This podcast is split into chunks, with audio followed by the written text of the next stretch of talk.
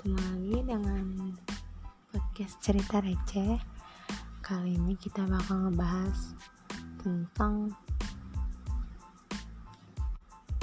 impian, masa depan, dan seluruh cita-cita. Jadi sebenarnya masa depan sama cita-cita itu kita sendiri nentuin kita yang tahu langkahnya kayak mana kayak gimana dan apa usaha kita untuk ambil jalannya? Kenapa aku ngomong kayak gitu? Karena itu memang benar guys. Jadi kalau kita takut untuk melangkah ke depan ya udah kita bakal ngestak di situ aja. Diem dan gak bakal ada perubahan.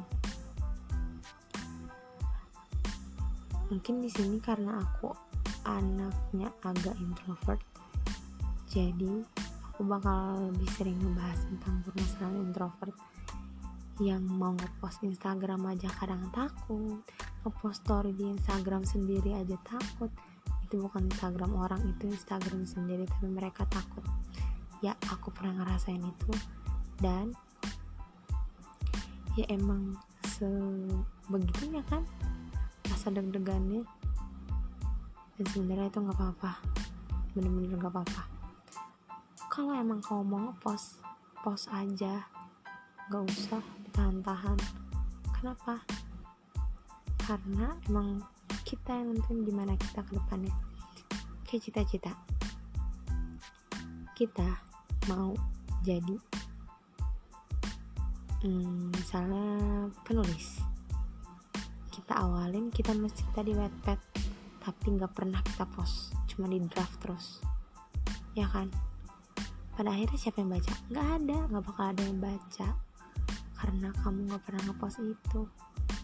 Coba sekali-kali kamu post. Emang reaksinya bakal lama. Cuma aku jamin itu bakal jadi suatu motivasi buat kamu acuan buat kamu supaya usaha kamu lebih tingkatin lagi karena dengan gitu kamu bakal ngerasa kecewa dan kekecewaan itu yang menghasilkan kebahagiaan. Sebenarnya dari kecewa kita bakal banyak belajar sesuatu yang gak kita pernah dapetin sebelum kita dapetin kecewa itu. Sama halnya dengan kehilangan. Kita bakal lebih menghargai sesuatu setelah kita merasa kehilangan sama kayak waktu kita bakal lebih menghargai waktu setelah kita tahu betapa berartinya waktu itu. Gitu guys. Jadi balik topik. Dalam dalam langkah untuk menggapai cita-cita impian yang paling utama dan paling utama adalah kita yakin kita bisa. Karena apa? Jika jika di situ kita terhenti kita bakal kayak Soekarno bilang kita harus punya cita-cita tinggi di langit karena ketika kita jatuh kita berada di bintang-bintang. Emang sakit tapi seenggaknya kita udah nggak di bumi. Kita udah berada di tengah-tengah antara bumi dan langit yang emang tinggal sedikit lagi untuk menyampai ke impian dan cita-cita kita. Kita mau jadi kaya kita berusaha untuk selalu bersyukur dengan apa yang kita punya jadi kaya itu bukan berarti kalian harus punya mobil Alphard punya apartemen banyak punya properti di mana-mana kerja di perusahaan big four gitu enggak sebenarnya jadi kaya itu adalah ketika kalian bersyukur dengan apa yang kalian miliki ya Tuhan hari ini aku bisa bernafas. Terima kasih. Ya Tuhan, hari ini aku bisa tidur nyenyak. Terima kasih. Ya Tuhan, hari ini aku masih bisa makan tiga kali. Belum lagi tambah kopi, tambah snack. Terima kasih Tuhan. Begitulah, itu adalah kekayaan yang hakiki yang semua orang bisa dapetin ada orang bernafas aja pakai oksigen bayar ya kan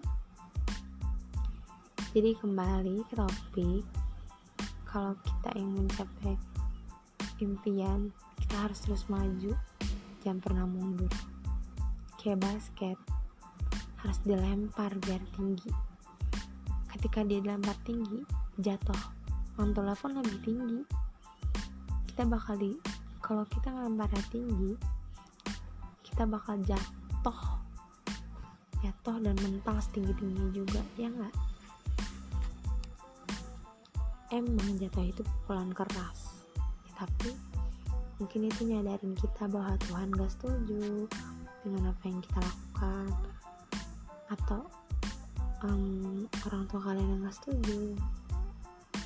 Ya itu sih. Terus um, ada faktor lainnya juga.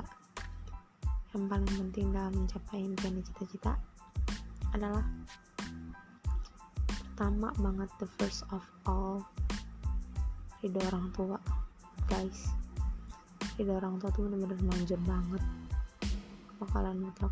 Sesusah apa pun nanti kalian menggapai itu kalian pasti bakal dapat. Karena itu ridho orang tua. Tuhan bakal ngeridoin juga. Nah yang kedua kalian harus berani melangkah maju. Maju terus gak usah mundur. Nih misalnya kalian introvert kan? Kalian tuh gak suka di keramaian kalian um, suka sendiri kalian tuh emang bener-bener udah bener-bener apa ya? Yang namanya sendiri tuh kayak um, sebagian dari hidup gitu loh. Dan ketika kalian berada di tengah-tengah keramaian tuh kayak bingung ngapain? Gak suka sebenarnya kalian juga harus bisa di tengah-tengah keramaian. Jadi introvert itu sebenarnya cuma buat ngecas ngecas diri. Jadi kalian juga pasti bisa di tengah-tengah keramaian kalau kalian mau. Jadi kalian harus berusaha untuk tetap um, bisa jadi extrovert juga. Kalau bisa jangan yang terlalu introvert banget yang bener-bener sampai nggak apa ya nggak bergaul sama orang. Kan kemarin aku udah bilang yang di teman kita juga harus berteman ya kan? Walaupun itu memang susah kayak nyari jodoh ya. Ya yeah, you know that. Tapi ya itulah proses hmm, kita ngagapain impian. Nah yang paling terakhir kita harus nikmatin semua proses kita untuk mencapai impian kita. Mau itu air mata canda tawa keringat. Itu bener-bener kita harus nikmatin semua prosesnya. Karena karena itu yang bakal dikenang kalian udah sukses.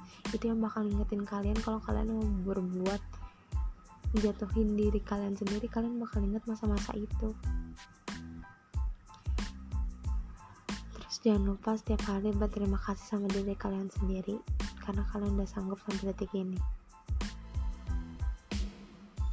Oke terima kasih telah mendengarkan orang-orang baik. Selamat kembali beraktivitas